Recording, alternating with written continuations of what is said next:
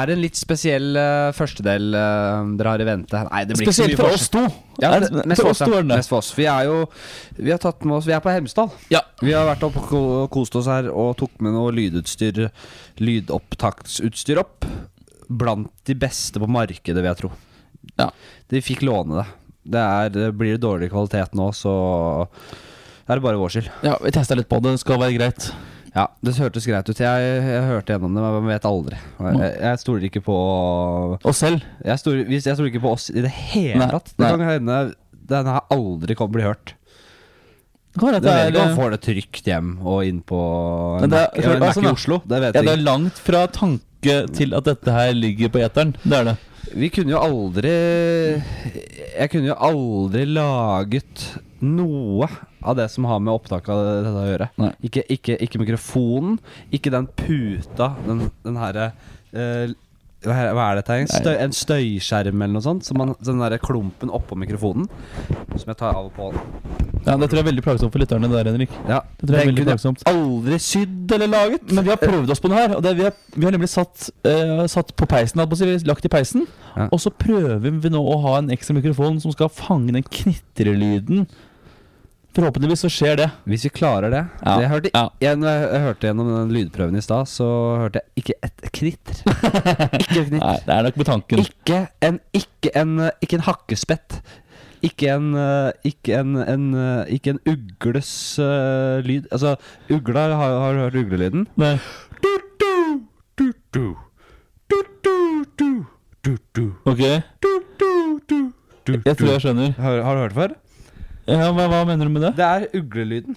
Ja, ok Det er uh, du, du, du. jeg tror jeg hørte hva du sang, sang, men hva har det med peisen å gjøre? Nei, jeg bare tenkte at uh, lydene rundt At man kunne fått med det i mikrofonen. Knitring av peisen. Hakkespettens uh, hakking. Jeg skjønner. Uglas lyd. Ja, Jeg, ja. jeg tror ikke vi får noe av det. Men det, Vi skal være fornøyde hvis man hører hva vi to sier, tror jeg. jeg er jo veldig fornøyd med at jeg kjørte Ja. mesteparten av veien opp hit. Jeg fikk jo lappen. Herskaren øh, har nå fått øh, svar på det de lurte på, Henrik.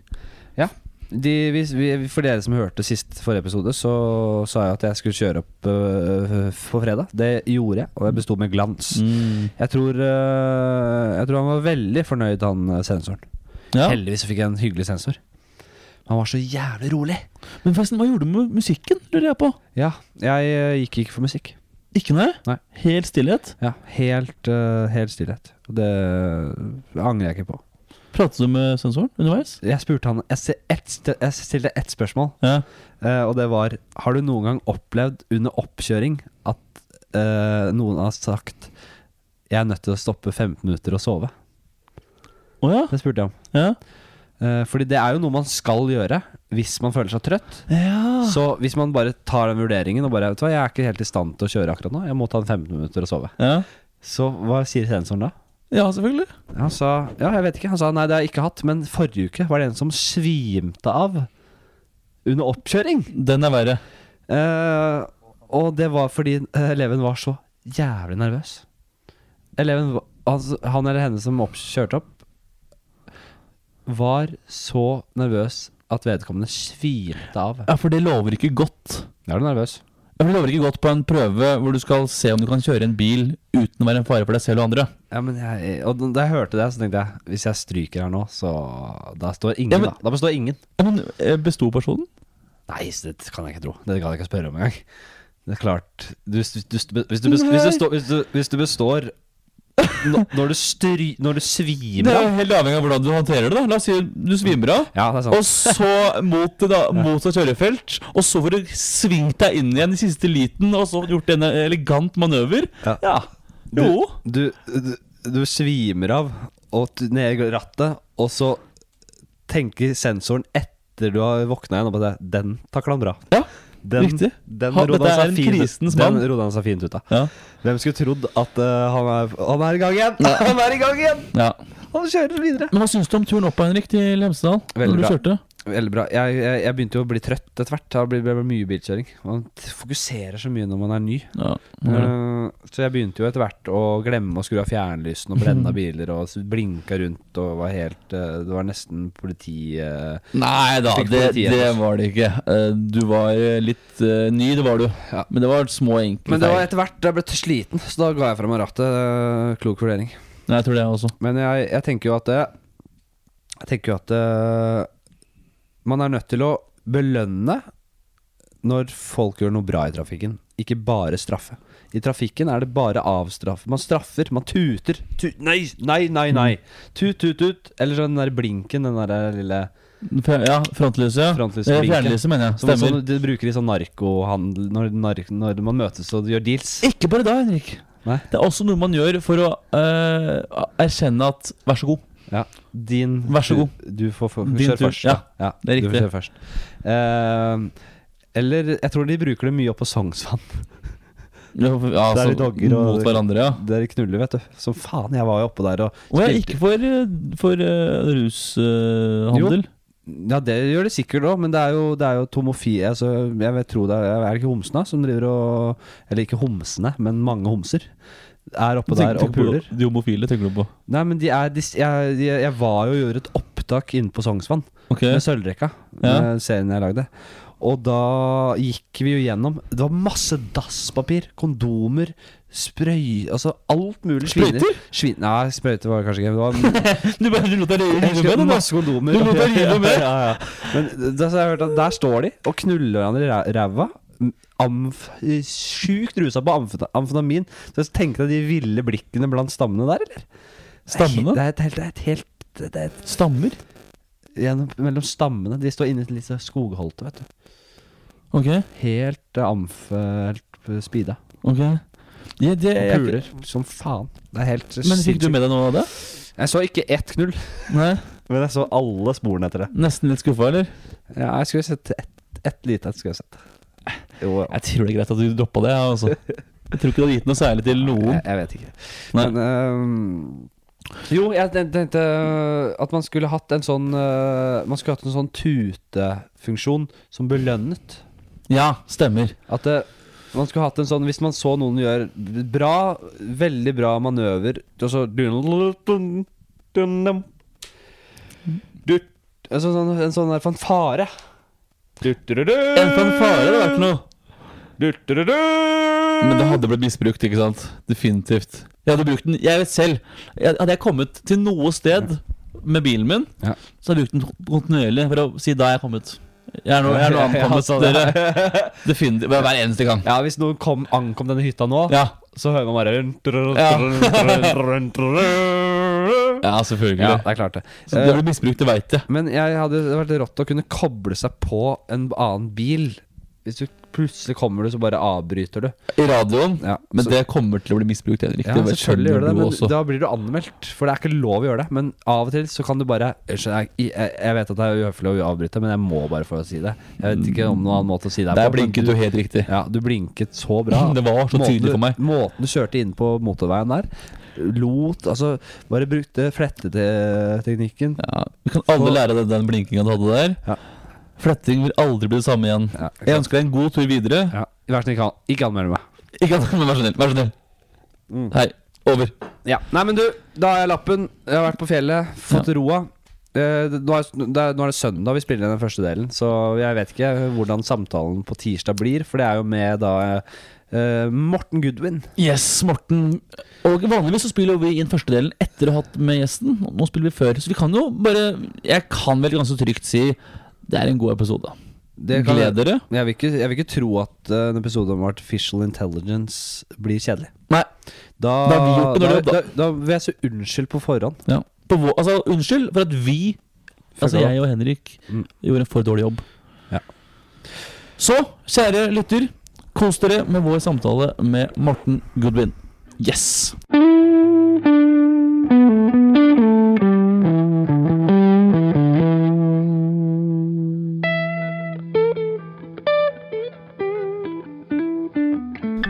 Da er vi i gang. Yes, der er vi. Vi har Morten Gudvin i studio. Um, vi, det var noen minutter over avtalt tid, og da begynte vi. Og du skulle sjekke mailen din, og er det noe vi har gått glipp her? Dukker den ikke opp? Plutselig så ringer Så ser jeg at det er to ubesvarte andre på min mobil. Jeg har ikke hatt kontakt med deg. Det er egentlig du, Joakim, som har hatt mest kontakt. Stemmer. Så tenkte jeg, kan det være han da? Så ringer jeg opp. Og det var søren meg Morten som Og tenkte jeg, hvordan fant han nummeret mitt og sånn med en gang? Det er Ja. ikke noe problem Det- for Morten Gudvin. Barnemat. Det er barnemat for Morten ja, Gudvin. ja, ja, ja. Eh, velkommen, Morten. Tusen takk. Veldig hyggelig at du tok eh, deg turen. Veldig hyggelig å bli invitert. Du kommer rett og slett uh, utenbys fra, du. Ja, jeg, jeg bor i Arendal, Ja. og jeg jobber i Grimstad ved Universitetet i Agder, så jeg tok eh, bilen inn hit. Så tenkte jeg at jeg hadde kjempegod tid, det er jo lett å finne fram til dere, tenkte jeg, men det var jo helt umulig å løpe opp og ned Brugata for å finne Brugata 1, som dere bor i. Men eh, Det er litt kronglete. litt kronglete. Men jeg fant fram til slutt, så er happy med det. Veldig avansert eh, sånn ringeklokkesystem også. Altfor Men avansert. det klarte du greit. Det, Jeg det Ringeklokka, den klarte jeg. Jeg hadde blitt bekymret hvis du ikke hadde Hvis det hadde surra veldig der. Nei, det er verre det å finne fram, altså. Man må vite hva man er god til, å finne fram er ikke jeg veldig god til, altså. Men det er mulig eh, det kommer meget avansert eh, teknologi, kanskje til og med kunstig intelligens, du har på øret, som kan guide deg og lede deg fram til alle steder du måtte ønske å dra til i fremtiden. Og det finnes vel allerede nå. Jeg brukte jo teknologien, jeg brukte jo GPS-en for å komme fram. Ja. Men den var jo, Brugata 1 var jo som akkurat på hjørnet, så den var ikke helt riktig der. Så jeg løp opp og ned, opp og ned. Hva, hva, hva er det du gjør om dagen i, i, i, i Grimstad? Ja, så jeg er det som heter førsteamanuensis, og det Det betyr at er jeg så flott uh, Veldig ord. flott, da. Så det er hakket under professor, Ja. men hakket over lektor, så er det sånn midt imellom der. Ja. Så, og det betyr at jeg forsker og underviser, og jeg jobber med kunstig intelligens. Ja. Så jeg har et databakgrunn. Jeg har jobbet med data siden jeg var bitte, bitte liten. Mm. Og så ble jeg introdusert til kunstig intelligens for en 10-12 år siden, da jeg tok min eh, mastergrad. Og så dro jeg litt utenlands, og utenlands betyr for meg Danmark. Den er den lengste Mm. utenlandske jeg kunne komme. Ja. Til Aalborg og tok en doktorgrad. Og, ja, litt Syden. Mm. Aalborg er flott by, det, altså. Var Danmark før eh, Norge på kunstig intelligens? Nei, det var det Når man utdanner seg, så er det fint å bytte by og bytte Ja, miljø litt grann underveis. Ja, og Aalborg, som jeg hadde var liksom langt nok unna til å fremdeles kunne dra hjem litt og besøke dama hjemme og sånne ting mens jeg studerte. Det, da, men da jobber de med kunstig intelligens. Kunstig intelligens er et ganske ferskt forskningsområde i Norge, i hvert fall. Ja, det kan du si. Så kunstig intelligens har egentlig eksistert helt siden 50-tallet. Og siden datamaskinen startet på 40- og 50-tallet, så Alan Turing, en av de første som jobbet med datamaskiner og sånn, snakket om kunstig intelligens. Der kommer Turing-testen eh, fra, vet du. Turing-testen kom fra Alan Turing, absolutt. Ja, da var det på plass. Og Turing-testen det er jo mer når vi har lagd en kunstig intelligens som er så god at vi ikke klarer å skille den fra et menneske. Så Ja. nå som jeg snakker med deg, f.eks., eksempel, Ja. så skjønner jeg at det er et menneske. Det er ikke noe jeg tror du er en datamaskin på en eller annen måte. Jeg, jeg er ikke helt øh, bestemt meg om du har bestått Turing-testen. Så kan se om jeg består den. Og Turing-testen er da når jeg ikke klarer å skille mellom en datamaskin og et menneske som jeg snakker med.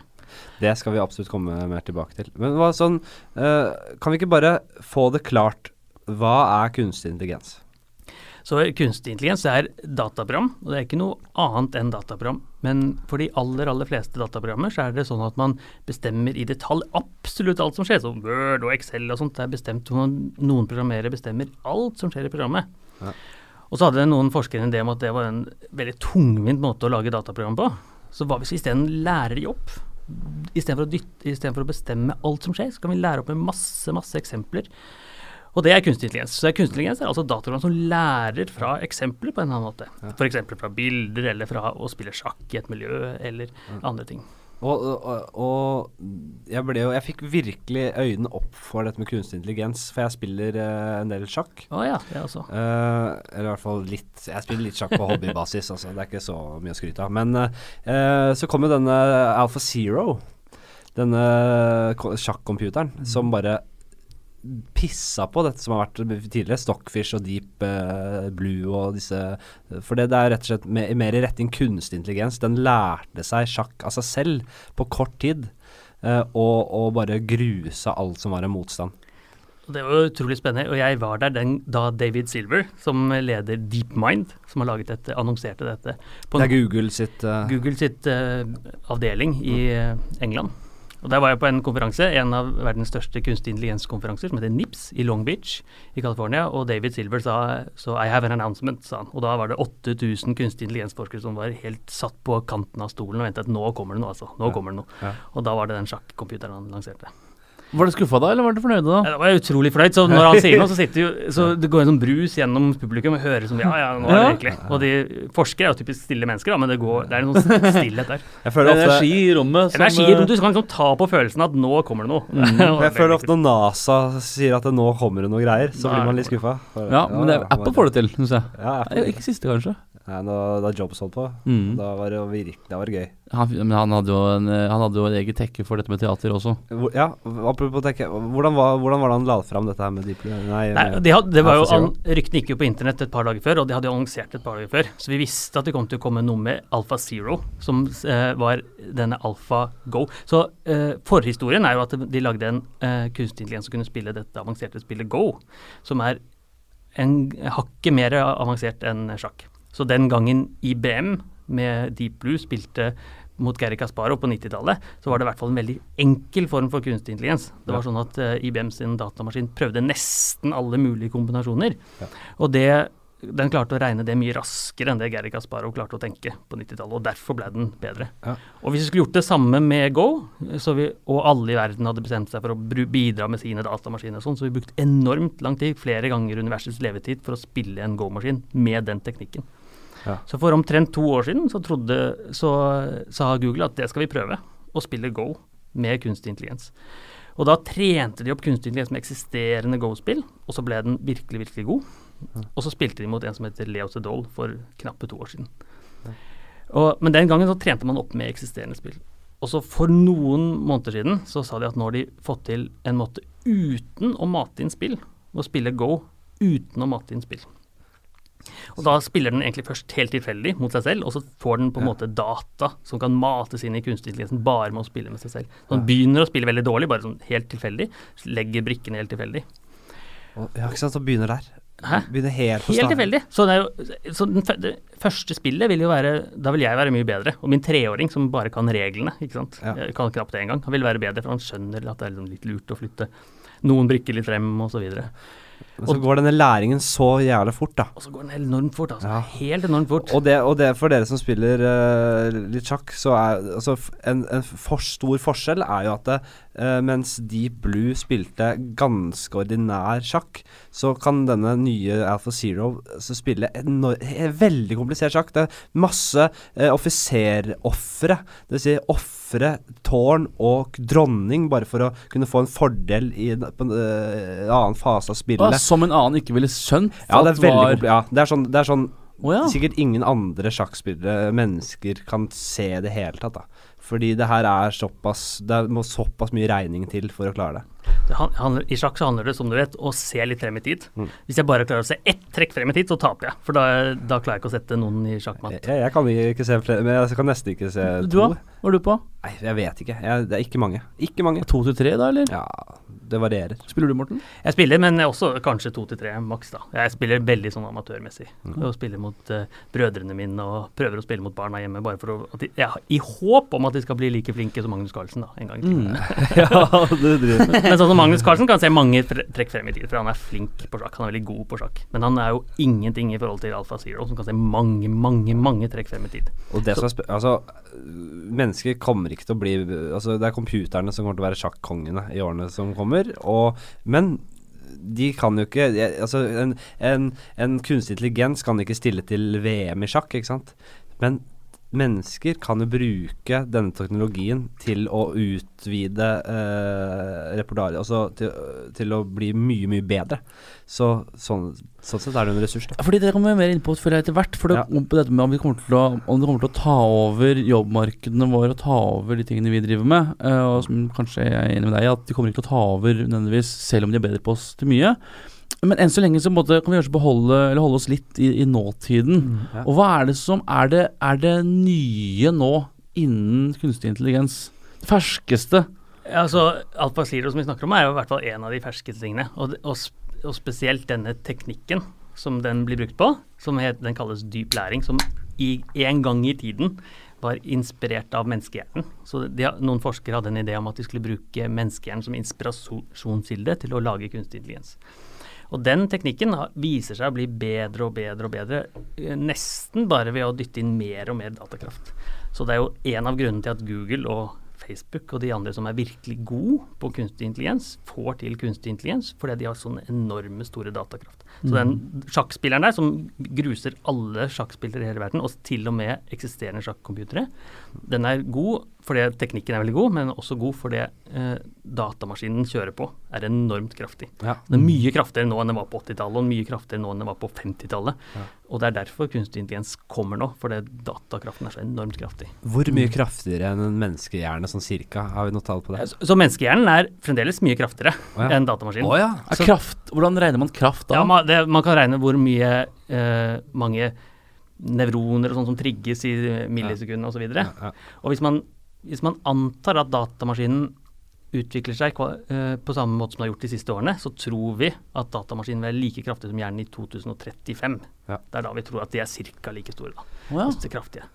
Men det er jo datamaskinen kan jo gjøre mange andre ting som ikke vi mennesker kan. Så f.eks. lommeregneren som vi har, kalkulatoren, den kan jo regne mye raskere enn det jeg kan. Mm. Så er, vi kan jo gjerne sammenligne det med hjernen, men det er en litt sånn rar sammenligning, for det er noe annet. Mm. Så jeg er veldig flink til, mye flinkere til å kjøre bil enn datamaskin. Jeg er mye flinkere til å se på bilder og skjønne en film, f.eks. Ja, men er du flinkere nå til å kjøre bil fortsatt, Morten? Fortsatt så er jeg flinkere til å kjøre bil, selv om jeg ikke er noe spesielt god på å kjøre bil, eller finne fram, for den saks skyld, da, i veier. Så, men så eh, er vi ganske sikre på at selvkjørende biler er jo veldig nært forestående. Ja, fordi jeg tar ikke Mye mer kreativ enn en bil, da. Ja, kre ja riktig Det kreativ. må, ja. Jo da, Men- definitivt. Men kunstig intelligens er også kreativ, den er bare kreativ på en litt annen måte. Så de hadde veldig kreative trekk, f.eks., som er litt annerledes type trekk. Men å finne på å skrive en novelle, f.eks., det folk har prøvd på det. Og det er jo, kunstig intelligens er veldig dårlig på de tingene. Ja, Prøver liksom finne på en ny plott i en skuespill og sånt. Det er kunstig intelligens veldig, veldig dårlig. Finne på en vits, f.eks. ja, For det vil gjerne leses fant ut nå. Er det noen eksempler på det på nettet? Ja, ja, ja, absolutt. Kunstig intelligens som har lagd uh, Vitser, ja. Ja, i hvert fall skuespill. Nei, dette her liker jeg ikke. Jeg er jo jeg er komiker. Det er du Morten. som mister jobben nå, Henrik. Jeg, jeg, trodde jeg var safe, jeg. Så det, en, en ting jeg har prøvd på, det er, det er å trene opp kunstig intelligens med Ibsen sine samlede verker. Jeg tenkte, hva hvis vi tar og dytter inn alle Ibsen sine verker og inn i en kunstig intelligens, så spør vi kunstig intelligens kan du lage et nytt Ibsen-stykke. Og det den får til, da, det er å holde en sånn veldig sånn enkel samtale mellom eh, to eh, personer, men det lange plottet, det klarer den ikke. Så plutselig kommer det inn en skuespiller som Hæ, hva gjør du her, liksom? Hva gjør Nora, du er ikke med i det skuespillet. Sånn type feil gjør den. Relling, kommer du nå? Ja ja, sånn er det. Nei, rell... Nei, jeg finner, bare, jeg finner bare vitser om artificial intelligence, og ikke av, dessverre. Ja, Ja, det å lage en vits er veldig vanskelig for kunstig intelligens, altså. Ja, det håper jeg virkelig. At det er mange år til uh, vi, jeg mister jobben. Eh, men eh, hva, annet har vi? Vi har dette med Jeg så, har jo sett litt, grann, vet du. Det er jo da mm, Det er sånn tre, fire bokstavers forkortelse. L Uh, Altså, det, det som på en måte mm, Du har dette med Google Translate. Ja. Hvis du skal snakke med telefonen din, så Riktig. Så, ja, riktig. Så, er dette, dette, er dette kunstig intelligens, eller er det bare bra programmering? Eh, så Google Translate, for eksempel, tidligere så var det statistikkbasert. Det satt statistikker og eh, regnet på hvordan man skulle oversette. Og da var det ofte mange vitser på hvordan Google Translate gjorde det dårlig. Man kunne oversette fra norsk til russisk og tilbake til norsk igjen, og fikk mye om vodka og mye rart som man egentlig ikke hadde snakket om i det hele tatt. Så nå er det basert på den teknikken som heter dyp læring. Ja. Lignende teknikk som er alfa og zero. Og nå er de veldig, veldig gode. Ikke perfekt, så vi, vi mennesker kan oversette bedre enn Google Translate, men Google Translate er blitt veldig, veldig god eh, nå til å oversette. Og de er basert på disse kunstig intelligens-teknikkene. Og når jeg snakker med Siri på iPhonen min, f.eks., eksempel, så er også det kunstig intelligens-basert. Ja, det er det, ja. Og igjen så kan jeg snakke veldig sånn eh, to-tre setninger, men jeg, det er veldig annerledes å snakke med Siri enn det er å snakke med kona hjemme, f.eks. Jeg kan holde mye lengre og dypere samtaler med kona enn med Siri.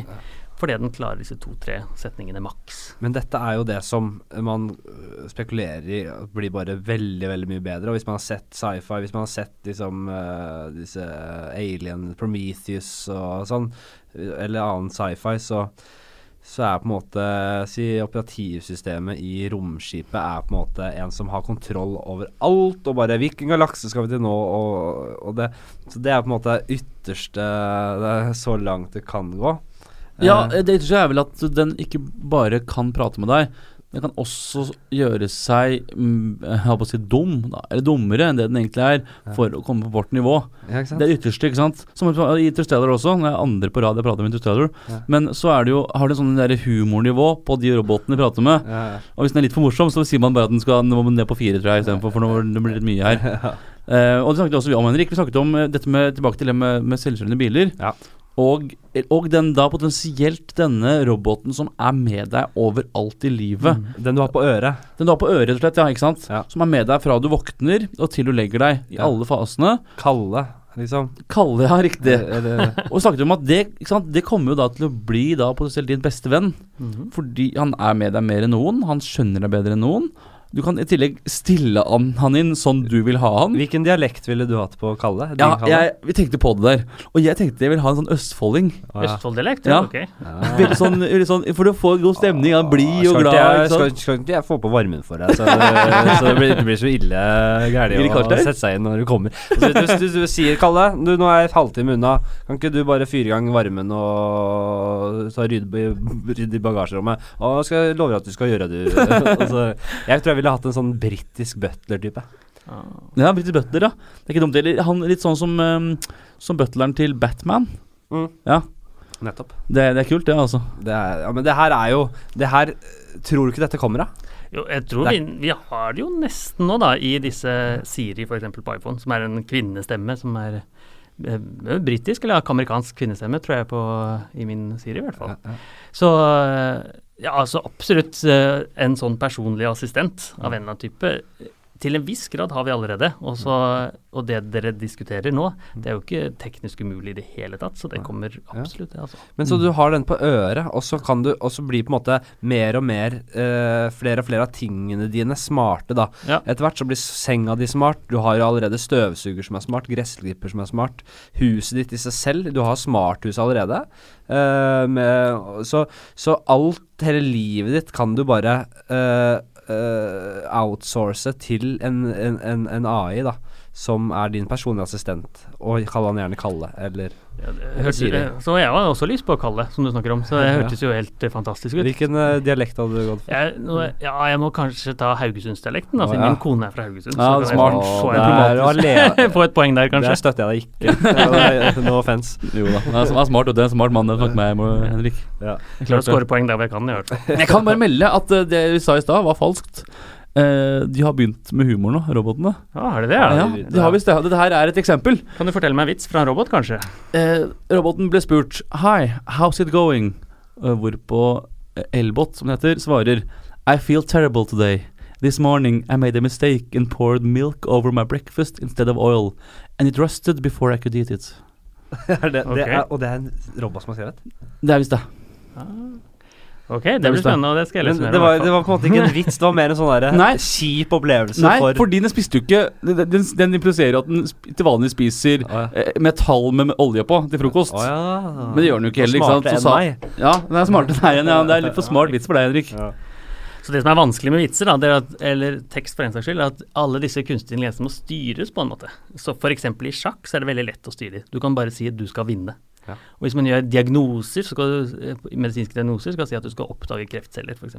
Ja. Men hvordan styrer du en vits? Eh, Lag noe morsomt. Det er liksom vanskelig Ja. liksom, matematikkmessig. Lage en vits morsom. Hva er den formelen på en morsom vits, f.eks.? Ja. Det er vanskelig å i hvert fall styre datamaskiner til å gjøre det. Men dette har jo populærkulturen på en måte laget skrekkscenarioer ut av. da At det, du, ok, Sjakkcomputerens overordnede mål, det ene som betyr noe, er at den skal vinne.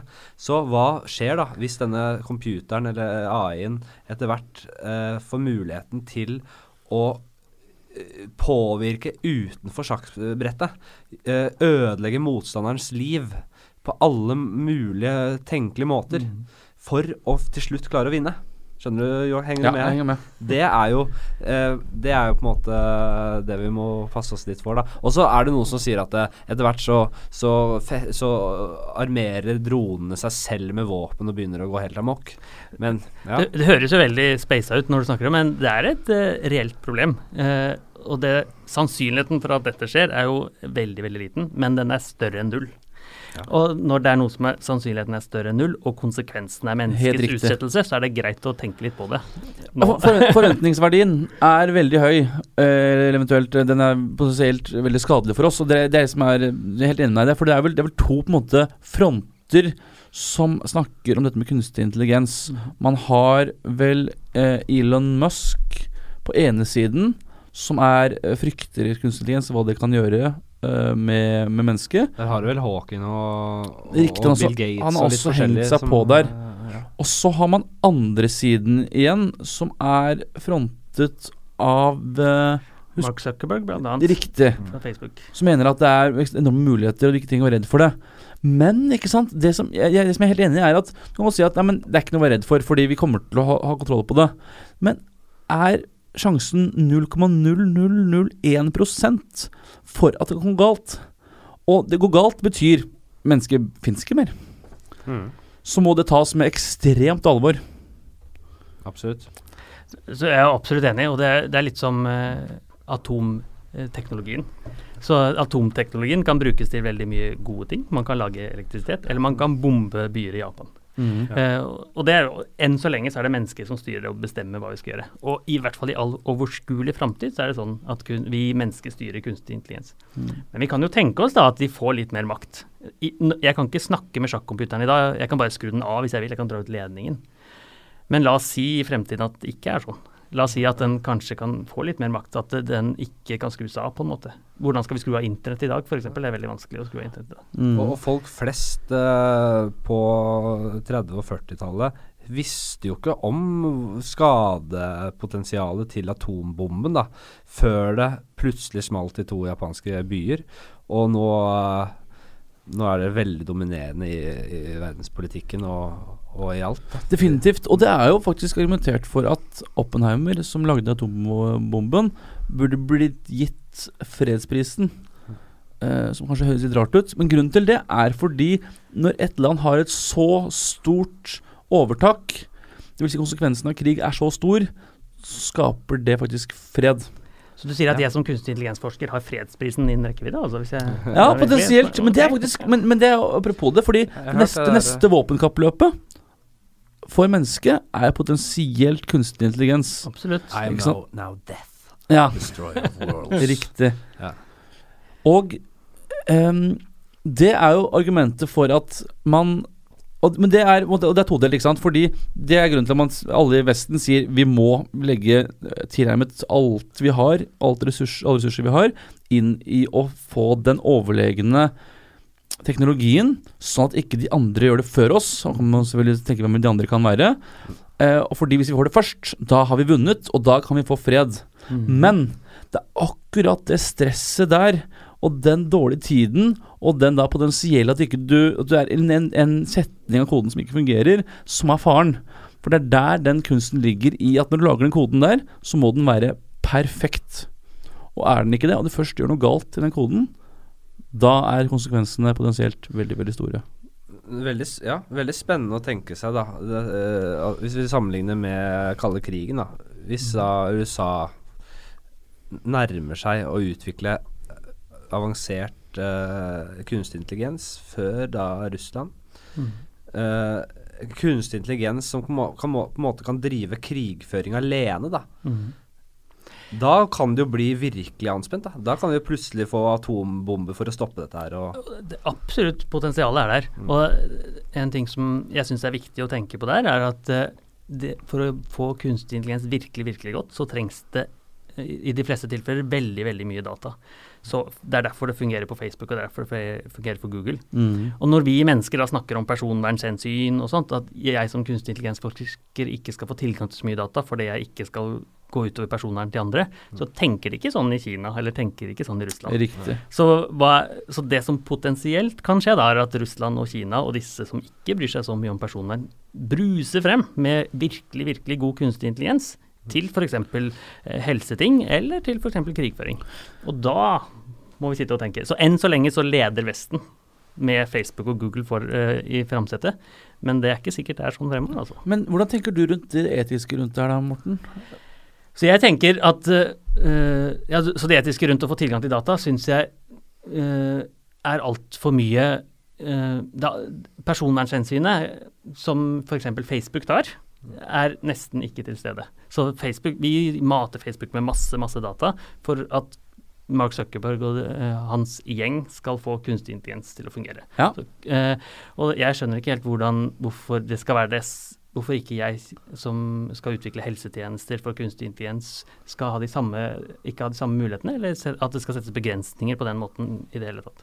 Ja. Så hvorfor, jeg tør å påstå at de fleste eh, har lyst til litt bedre helsetjenester, hvis Ja. de gir fra seg litt av privatsrett, privatretten. På samme måte som vi gir fra oss litt privatrett til at Mark Zuckerberg kan selge uh, skireklame til meg som nærmehørtig. meg 40 og er Men er ikke, Så, ja. det, er, ikke det, er det ikke det politikerne skal bestemme? Den avveiningen der. Hva vil vi helst ha? Vil vi, ha et, eh, vil vi strebe etter et perfekt helsevesen, eller vil vi holde personvernet ved like? Så De to tingene er nesten motsetninger. Eh, så Ja. vi kan jo velge. Eh, vi kunne jo sett for oss et samfunn hvor eh, vi ikke fikk tilgang til noe data. Da har vi ikke noe kunstig intelligens i det hele tatt. Eller vi får tilgang til masse data, og da er i hvert fall potensialet for god kunstig intelligens mye, mye større. Mm. Når vi får tilgang til de data. Og så må man velge, da. Hva vil man helst ha? Vil man holde på dataene sine selv, om Mm. mine sykdommer osv.? Eh, eller vil man at man skal ha bedre helsetjenester? For der- jeg mener hvor- det siste. Ja, hvorfor ikke gi fra seg data til helsevesenet når Facebook allerede har det? Helt enig. Men Facebook burde ikke hatt det i Nei, utgangspunktet. det er kan du si, da. Det er noe med liksom du, Enten så må man en- mene med at det er riktig å gi, gi bort på dataene sine, eller så mener man det riktig, så gjør man det. Mener man det er feil, så kan man ikke mene Vi mener det er feil, men siden Facebook gjør den feilen, så skal vi også gjøre feilen. Ja, det kan du godt si. Men uh, i hvert fall så De fleste gir fra seg, enten om de vet eller ikke, data på Facebook. Ja. Og, de, og når det kommer reklame for f.eks. ski eller sykkelutstyr, så er det ikke sånn at Mark Mm. Zuckerberg har sagt at ja, Morten bor i Norge, han nærmer seg 40, han er godt etablert, han har litt grann penger til å kjøpe skiutstyr for å bedre litt på midtlivskrisen som kommer snart. Mm. Det er ikke sånn han sitter, det er kunstig intelligens som har valgt alt dette. Og Det av masse, masse data, de maksimaliserer, de prøver liksom å hente ut alt mulig som kan være relevant av data, og så trekker de ut det som er mest relevant. Mens ideen nå uh, er at eh, basert fra Datatilsynet osv. sier at vi skal prøve å minimalisere dataen som, som samles inn. Ja. Og da må jeg som utvikler sitte og bestemme ja, jeg tror det er relevant, jeg tror det er relevant, jeg tror ikke det er relevant. Så hva er relevant for en kreftdiagnose, f.eks.? Så antageligvis uh, prøver gjort av meg, røntgenbilder osv., men uh, hva med om foreldrene mine har hatt kreft? Hva med om jeg spiste reinsdyrkjøtt en gang på 80-tallet? For da var det becquerel og alle disse tingene. Så svaret er alt dette er relevant, og det er vanskelig for utviklere, programvareutviklere, de som lager kunstig intelligens, å forstå det på forhånd. Og ikke bare det. Jeg er enig med også, Beklager at jeg avbryter deg, men jeg bare blir så ivrig her. Ja, ja, det. Gjennombruddet, gjennombruddet gjøres jo ved at man kan ha med seg alle mulige variabler inn i det, og så finne Oi, jøss! Det visste vi, det visste vi ikke. Men reinsdyrkjøtt Ja. viser at det er kreftfremkallende. Men det ante vi ikke. Så, du, så for deres del tenker jeg at dere vil ha bare alle mulige variabler, og så ser man hvilken er det som er forklaringsvariabler for kreft. Ja, helt riktig. Så det er, jo mer data vi får tilgang til, jo gladere blir vi. Ja, selvfølgelig. Og det er, men jeg forstår selvfølgelig at man ikke Det er jo ikke det samme med det som å legge ut all sykdomshistorikk på internett, f.eks. Så alle kan se det. Det er noe annet, selvfølgelig. Det er annet. Ja. Det er det er vel det folk er veldig redde for, Ja. uh, uten at det nødvendigvis blir tilfellet. Og at ting kan komme på avveie og Ja, hacket osv. Så, videre. så jeg forstår den redselen. ja, Men jeg er også. mye mer redd for at uh, kunstig intelligens ikke skal bli, komme pga. Uh, myndighetene setter stopper på en eller annen måte. Det er mulig. Fordi der er jeg, der der er jeg på den personverndelen, så er jeg, jeg Det er mulig jeg er helt naiv på det, men jeg jeg håper virkelig at de samler inn så mye informasjon som er, på meg som overhodet mulig. For Hver gang jeg får et tilbud som er passer meg, så er det noe med at jeg slipper å se alt det andre som ikke passer meg. Jo, men Joakim, det her har jeg hørt folk si før. Men det syns jeg er lite gjennomtenkt. Fordi akkurat nå så føles det trygt og greit, men hvilken retning skal det gå? Hvor langt skal dette gå før man begynner å bare Oi, dette er en utvikling som ikke er særlig grei. Nå, nå blir man jo nå, øh, Et overvåkningssamfunn der, der myndighetene Man vet ikke hva som skjer i fremtiden, men myndighetene kan etter hvert da begynne å kontrollere i større og større grad. Bruke all den informasjonen som ligger der, til å overvåke. Det er jo faren. Det er jo det, det, det, er det som er på en måte den utviklingen som er veldig skremmende, da. Ja, det, det er jeg helt enig med deg i, men det er noe med å, legge å si at noe er ulovlig fordi neste skritt er verre. Det skrittet vi er på nå, er jo ikke farlig. Og, men, men, eh, men neste er det, det jeg med deg i. Men du kan jo ikke si at det skrittet vi er på nå, det må man forby. Selv om det er på et skritt i, i feil retning. Ja, men etter hvert så blir det mer og mer vanlig og naturlig at de har eh, informasjon på deg.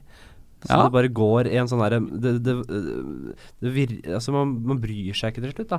For barn vokser opp i en sånn verden der det er greit og innafor, og så dør vi ut, og så er det bare sånn Så fortsetter det sånn, da. Ja, fordi dette er veldig spennende. Fordi dette her Vi snakker jo på en måte om at AI, eller kunstig intelligens, kan på en måte altså, drepe menneskene. Eh, og det er liksom ytterste konsekvens. Men allerede nå så har jo AI eh, gjort manges liv, mener, mener jeg, eh, dårligere. Fordi det Facebook gjør, for eksempel, -hmm. det er å finne en liten svakhet i mennesket. Ved at den da kan gi oss en, eh, en varsel på telefonen vår. Så får vi det dopaminrushet. Og så får vi den umiddelbare lykken, men den langsiktige, faktisk det som mange gjør, mer ulykkelig. Og Er det noen sånne ting foruten Facebook som, som du har hørt noe om, eller som du har noe innfattelse med?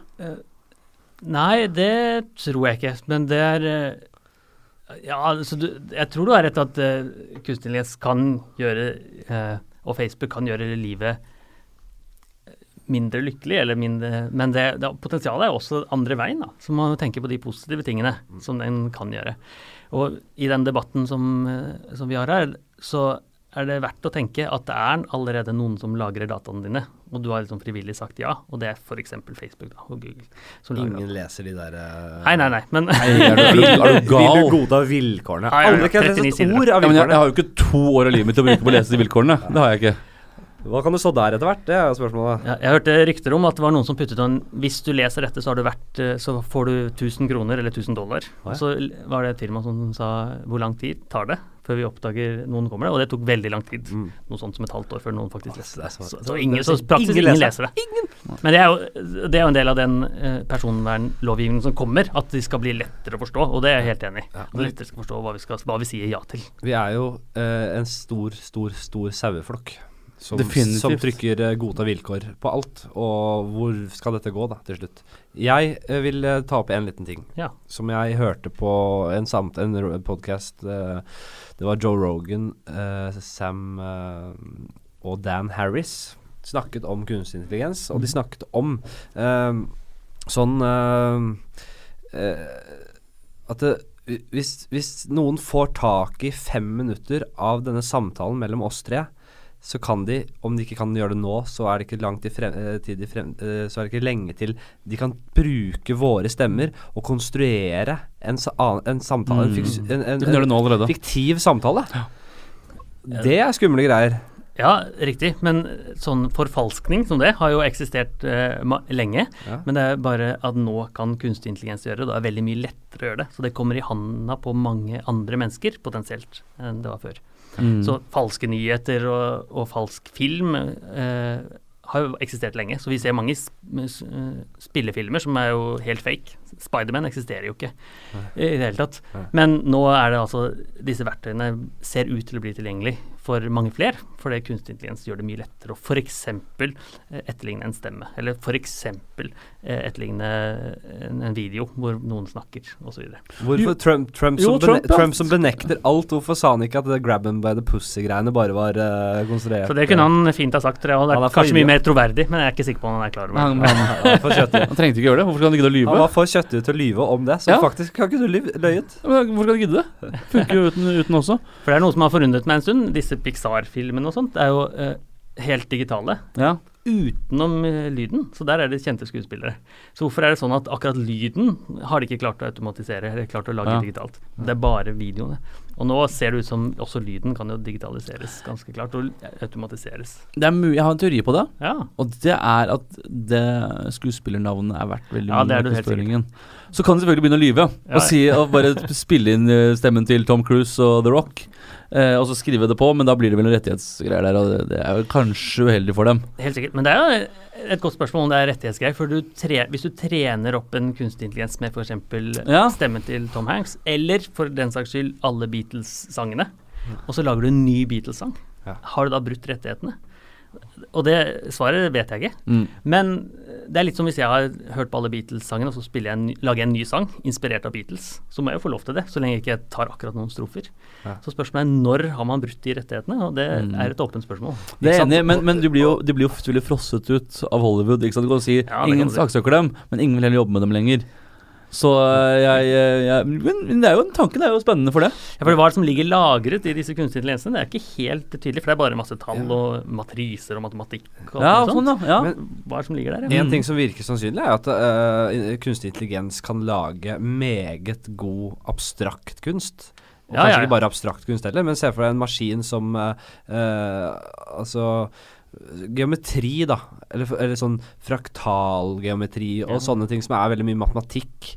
Eh, en kunstig intelligens kan på en måte lage eh, Altså har, alt, har liksom eh, blueprinten klart for seg, og robotarmer og noen pensler, og bare begynner å fyre løs med eh, abstrakte malingsflekker i forskjellige dybder og eh, det mest fantastiske kunstverk man noen gang har sett. da Det kan kan fort skje. Ja, og det har allerede skjedd. eh, Og ikke bare abstrakt kunst, men mer konkret kunst. Så det noen har gjort, eh, og jeg har prøvd det selv, det er å trene opp kunstig intelligens med kunstverk fra f.eks. Munch, eller Munch som man skal si, eh, og Picasso. Og så spør man kan du være snill å ta et bilde, et fotografi, og tegne det på nytt.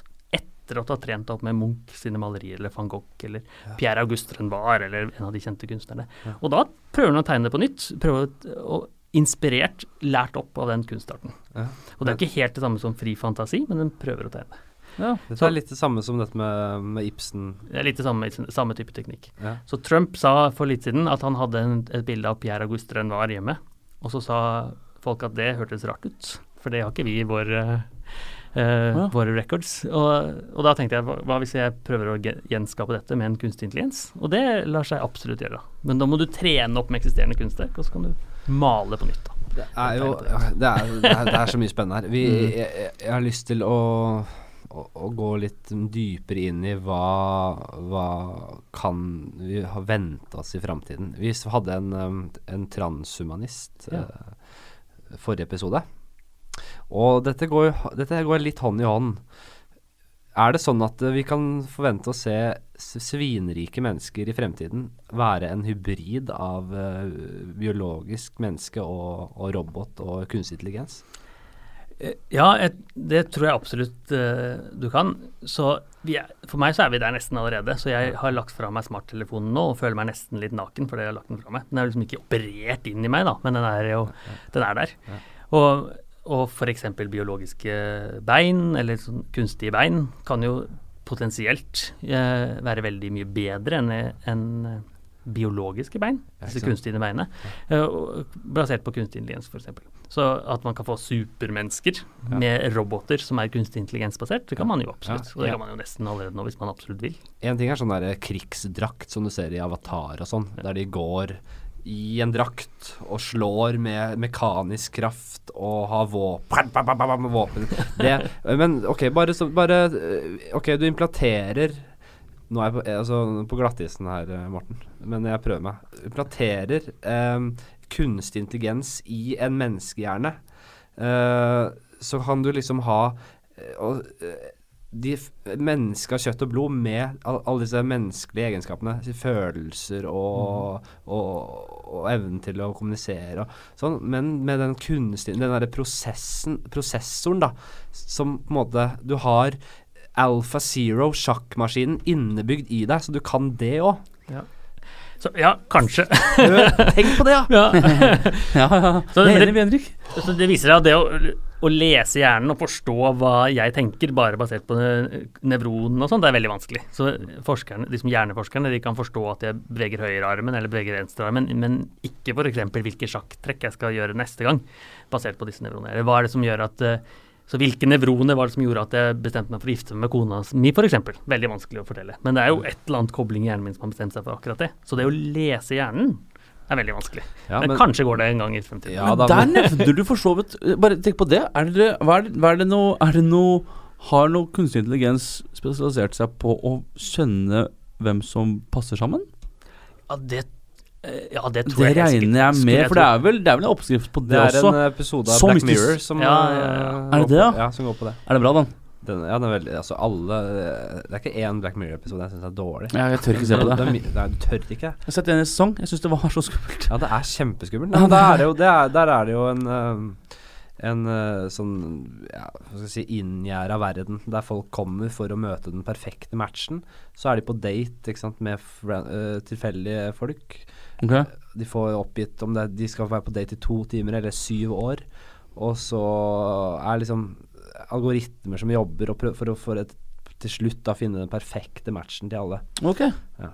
Riktig, ja. Kort forklart. ja riktig. Det høres ikke så veldig skummelt ut. Det kommer vel en liten twist der, tenker jeg. det er også da Den er ikke så skummel, den episoden der. Den er satt litt på spissen, selvfølgelig. Det er, noe, det er episoder som er skumle, det, altså. Ja, riktig. Ja. Det- ja, det vet jeg veldig, veldig godt. Ja, vet du hva, jeg har ikke sett det ennå. Har ikke du det? For meg.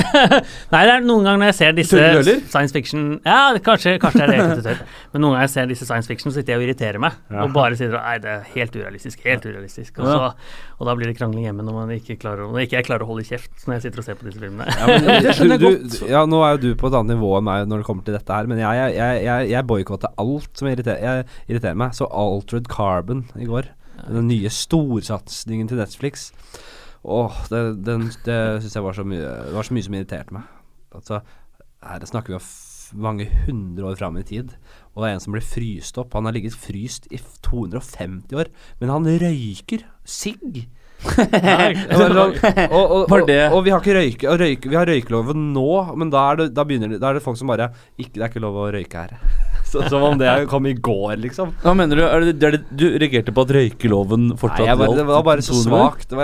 Med mindre de forklarer det nærmere, så syns jeg det var litt svak, uh, slurvete okay. uh, i, altså fremtids... eh, Vi, vi må, altså Et tema som alltid nevnes, og som også kommer til å nevnes nå, er dette med Den største frykten vi har nå, er dette med jobbene våre. vi kan godt snakke litt om det, men jeg har én ting. Da, må, da avslutter jeg. Da, jeg må avslutte med Universet, eller skal vi ut der? Ja, jeg har Ja, det kommer universet. Jeg er enig i det. Kommer det også. Det, det kommer til å ta litt tid. Ja. Ja, Vi, ta, vi må sveipe innom den, Henrik. Det er viktig, fordi folk lurer på det her. Ja. Man snakker om dette med at eh, kunstig intelligens kommer til å, å ta over, eller roboter kommer til å ta over alle jobbene våre. Bare fordi de er så mye flinkere enn oss. De gjør ikke feil. De gjør det raskere. De kommer ikke til å bli syke. Eh, de er bedre enn oss på alt.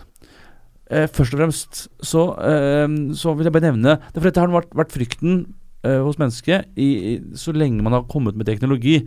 Min, min stefar han, han er fra Silkeborg. Og i Silkeborg så har de de én er arbeidsplass der hvor alle jobber, i hvert fall jobbet tidligere. Det var en papir, papirfabrikk. Ja. Og når den papirfabrikken kjøpte inn en, en, en gravemaskin, så streiket alle arbeiderne Ja. og sa det, nei, når den er her, så, så vi kommer til å streike.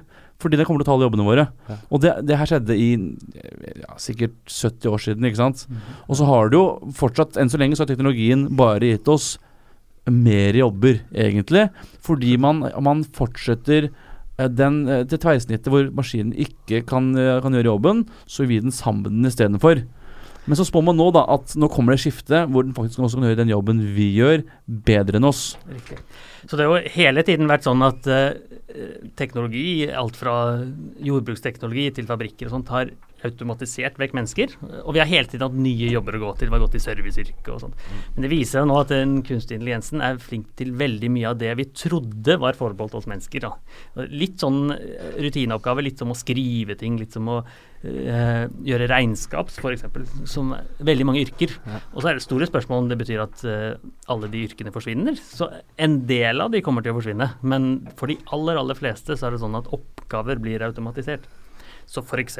legene Det er mye snakk om at eh, kunstig intelligens kan diagnostisere, og det er masse eksempler hvor kunstig intelligens diagnostiserer veldig mye bedre enn leger. Ja. Eh, men det betyr ikke at legene forsvinner av den grunn. Så de får én oppgave automatisert, men, men det er jo mange oppgaver igjen. Men det er veldig Se på Jeg, jeg, jeg, driver med en litt sånn patetisk dårlig forsøk på å boikotte selvhjelpskasser på, i butikken. For det er jo sånn Selvhjelps... Å ja. Når ja. du må skanne inn selv Da ja, tenker jeg sånn ja. at, at, at de som jobber i butikk finner seg i det. Ja, men det her er jo bare Det er bare synligste tegnet på at, eh, at, eh, man, at jobber forsvinner. Jeg tror ikke man skal være så redd for at jobber forsvinner, for det, eh, det kommer nye jobber. Helt garantert. Og, og hva er det absolutt verste scenario? Jo, vi får litt mer fritid, tenker jeg. Og så må man kanskje gjøre noen politiske endringer og Ja noen sånne ting, men det klarer vi. Men når, Det er sant, er, nord, er nordmenn er mennesker så flinke på fritid, da? Ja, hvis vi bare har fritid, så tror jeg det kan være litt eh, skummelt. da. Hogg ved og Ja. kos deg, liksom? Er det det du gjør når du har fritid, Henrik? Nei, det Er det det du driver med når du har, når det, du var, det var det jeg tenkte du drev med når du hadde fritid. Jo, men I så fall så er det kun for sysselsetting. ikke sant? Kun for bare, vet du hva, jeg, kom- jeg hadde gått på veggen, tror jeg. Jeg, jeg. jeg tror virkelig jeg er en av de som er kanskje ikke en av dem, men jo, jeg hadde taklet f- fritid ekstremt dårlig.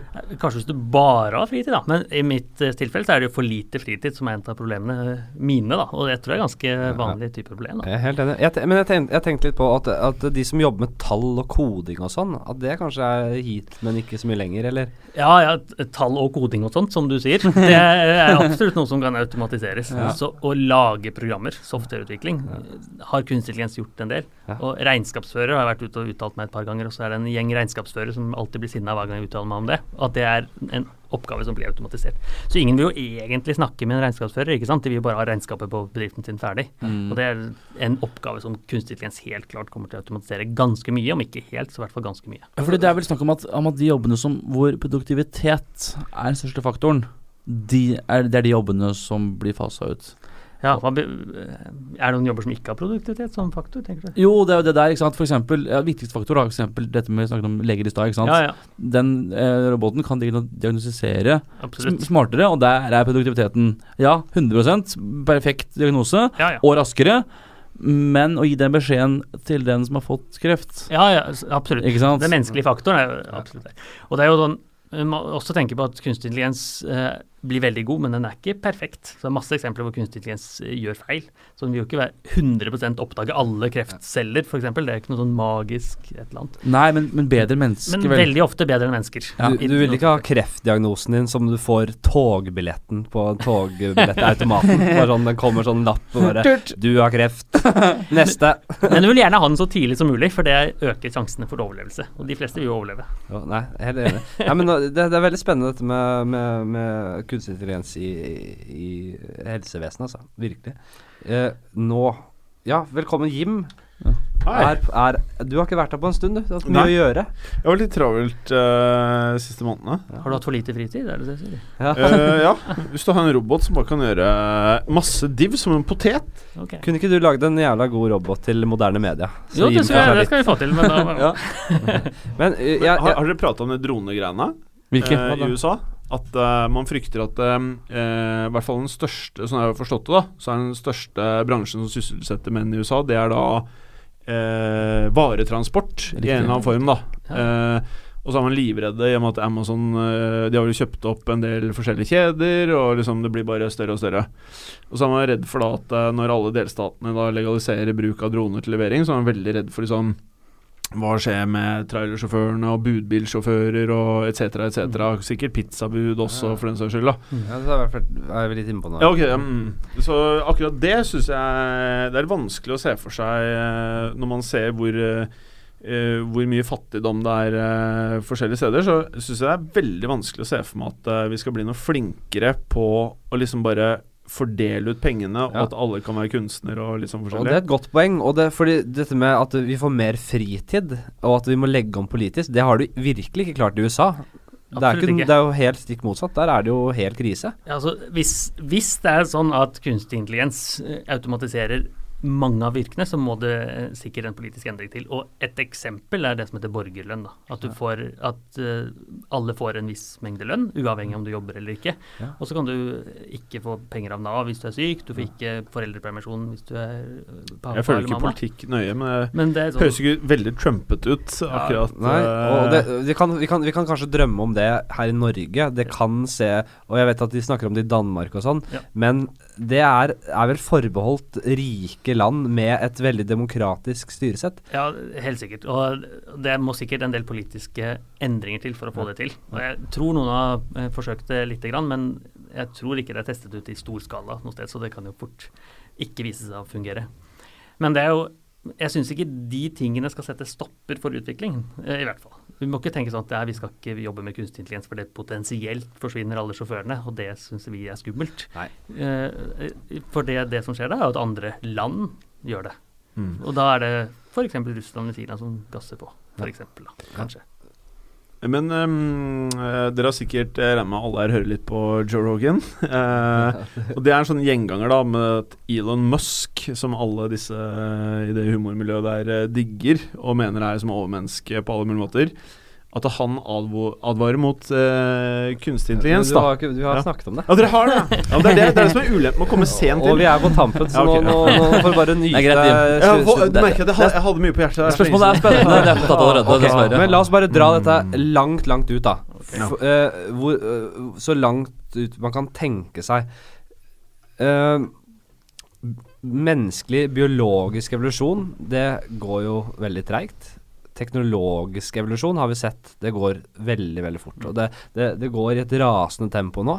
Eh, men jeg er veldig optimistisk eh, og litt pessimistisk og negativ samtidig når det kommer til teknologisk utvikling. Jeg tror i hvert fall at det ikke finnes grenser for hva vi kan klare. Eh, vi snakket jo i stad om, om rike folk som blir på en måte transhumane, robotmennesker. eh, men og, vi, og vi, vi, vi- er liksom skeptiske til at vi mennesker klarer å ko kolonisere kosmos, da. Fordi det er så store avstander. Det tar så lang tid å komme seg bare til den nærmeste stjernen fra sola. Eh, men si at vi sender ut et romskip om 50-100 år med kunstig intelligens og veldig, veldig avansert robotikk. Eh, fyrer den av gårde. Og det er det samme for, de ro for robotene og kunstig intelligensen om det tar 100 eller 200 år. Det Og 200 år eller 300 år for å komme seg til et annet solsystem, det er da ingenting i det store bildet. Så si at vi ikke ble koloniherrene av kosmos, men vi lagde de jævla koloniherrene. Vi lager en intelligens som kommer til å øh, reise ut i space. Ta alle ressursene de finner på en planet, utvikle seg videre, bygge videre, komme seg videre ut, sende små nye romskip ut. Er det, det er det For meg så virker det ikke helt utenkelig, det. Det høres kanskje far-fetched ut, men det er ikke så far-fetched, altså. For f.eks. NASA har jo sendt roboter til Mars. Vi har valgt å ikke sende mennesker, for det er altfor vanskelig, altfor dyrt og altfor risikofylt, men vi har sendt roboter. Ja. Og det er slik at når NASA kommuniserer med robotene på Mars, så tar det noen minutter. Det, tar alt, det går med lysets hastighet bort til Mars. Eh, så når, hver gang NASA sitter og styrer de robotene, så sender de en signal til eh, Mars, og så sender roboten en signal tilbake at ja, jeg klarte å kjøre mot høyre og klarte å kjøre mot venstre. Så det NASA gjorde for en stund siden, det var å oppdatere de. Oppdatere med litt sånn selvkjørende prinsipper, som i hvert fall ligner veldig på kunstig intelligens. da.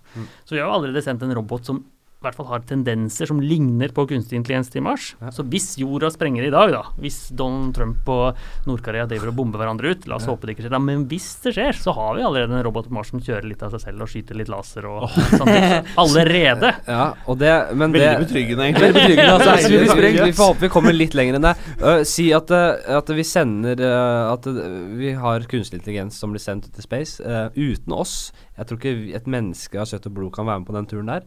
Men vi kan være fryst på en tank. Eh, eller mange små embryoer, da, som man ser i denne eh, Stanley Kubrick Nei, denne Alien-filmene. Altså små embryoer som er på is i en tank. Så får vi se, da, når robotene koloniserer et planet i et annet solsystem, om de gidder å sette i gang den prosessen for å få oss tilbake eh, til det dumme eh, biologiske livet vårt. Jeg kan også si, bare på det vi snakket i stad om dette med Dette med, med våpenkappløp. Og eh, primært begynte med atomvåpen, om at det var det. Og så var det et atom... Nå er det jo vi inne i et våpenkappløp om kunstig intelligens. Eh, Kall det gjerne vest mot østen. Men vi kan trekke det lenger også. Det kan også bli våpenkappløp mellom jorda og andre. Ja. Ja. Men det kan vi, vi kan tenke at det høres rart ut, men, eh, men når det går så fort som det gjør nå, så kan det bli etter hvert at Man, må, man sier bare at vi, det, vi kan ikke ta sjansen på at vi er forsvarsløse hvis en annen planet vil invadere oss. Så vi må bare få i gang de maskingreiene. Og det brennkvikt. å kolonisere altså, vårt solsystem og vår galakse. Start med Mars som en utskytningsstasjon, og så bare banke på videre. Men øh, jeg, jeg Jeg vil jo sammenligne det litt da med øh, disse som levde på Michelangelo sin tid, da, på 1500-tallet. Er det riktig? Ja. Eller- Renessansen. Det, Ja, det stemmer nok sikkert. Eh, bra. Eh, så han tegnet jo på en måte de første prototypene av et fly og helikopter, vel, og litt sånn. Men ok.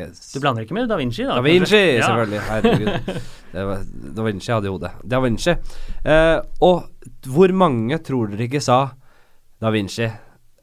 Ærlig talt, hva er det, tror du at mennesker skal klare å, å fly?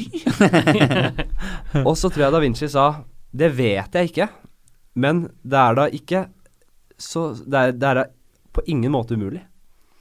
Og hva gjør vi i dag? Vi flyr og vi flakser rundt, og dette snakket vi også om forrige episode. Ja. Jeg så en sånn der, liten sånn derre uh, maskin som han derre Goblin i uh, Spiderman har. ja, Og- stemmer det. Altså, sånn jetpack har vi nå. Ja, ja. Det er sånn jeg, Det aller feteste jeg visste om da jeg var liten. Kan man få jetpack? Det kan man, kan man aldri få jetpack i virkeligheten. Jo! Man kan få jetpack i virkeligheten. Og hvem vet, kanskje om tusenvis av år så er uh, våre produkter koloniherder i uh, galaksen. Og kanskje en av våre fedre i fremtiden blir neste Darth vet, hva vet vi? Så det er veldig vanskelig å si hva som kommer fremover, men at det kommer mye, er helt sikkert. Så eksempel, en av mine favorittfilmer da jeg vokste opp, var jo 'Tilbake til fremtiden'. Hvor Ja. man så disse flyvende skateboardene osv. Eller faksmaskin i hver eneste rom, f.eks. Det var helt fantastisk å ha faksmaskin i hver eneste rom. Men internett hadde de ikke i det hele tatt, f.eks. Så det å sitte og spå på 80-tallet hva som skjedde 30 år frem i tid, det er veldig vanskelig. På samme måte som det er litt vanskelig å skjønne nå hva som skjer om 30 år, eller 60 år, eller 100 år. Men at kunstig intelligens kommer til å bidra veldig mye, er jeg helt sikker på. Ja, ikke sant. Og, og ikke minst 1904 Orwell, som eh, traff på veldig mye. Men det han bomma på, var at han eh, lagde disse overvåkningskameraene og computerne veldig, veldig store. Nærmest jo, også jo større, jo bedre. Han så ikke det komme at det, det skulle bare bli mindre og mindre og mindre. og mindre. Hm. Så man kan på en måte tenke seg eh, eh, filosofere litt rundt det, men man vet kanskje ikke akkurat hvordan det blir. da. Det er sant. Det er jævla spennende. Vi får bare vente. Jeg, jeg håper jeg, jeg, håper jeg, jeg tror jeg skal bli transhumanist, så jeg får leve og oppleve dette her. Det frister, Ja, det frister veldig. men ja. Jeg tror det bør være siste Det det. eh, som blir sagt i episoden, eh, Morten. Du, tusen hjertelig takk for at du valgte å bli med. Det var veldig hyggelig. Ja, kos meg skikkelig. Det var veldig spennende. I like måte. Så, så håper vi at de som eh, hører på også har kost seg. Og så snakkes eller lyttes vi igjen neste gang. Hei. Hei.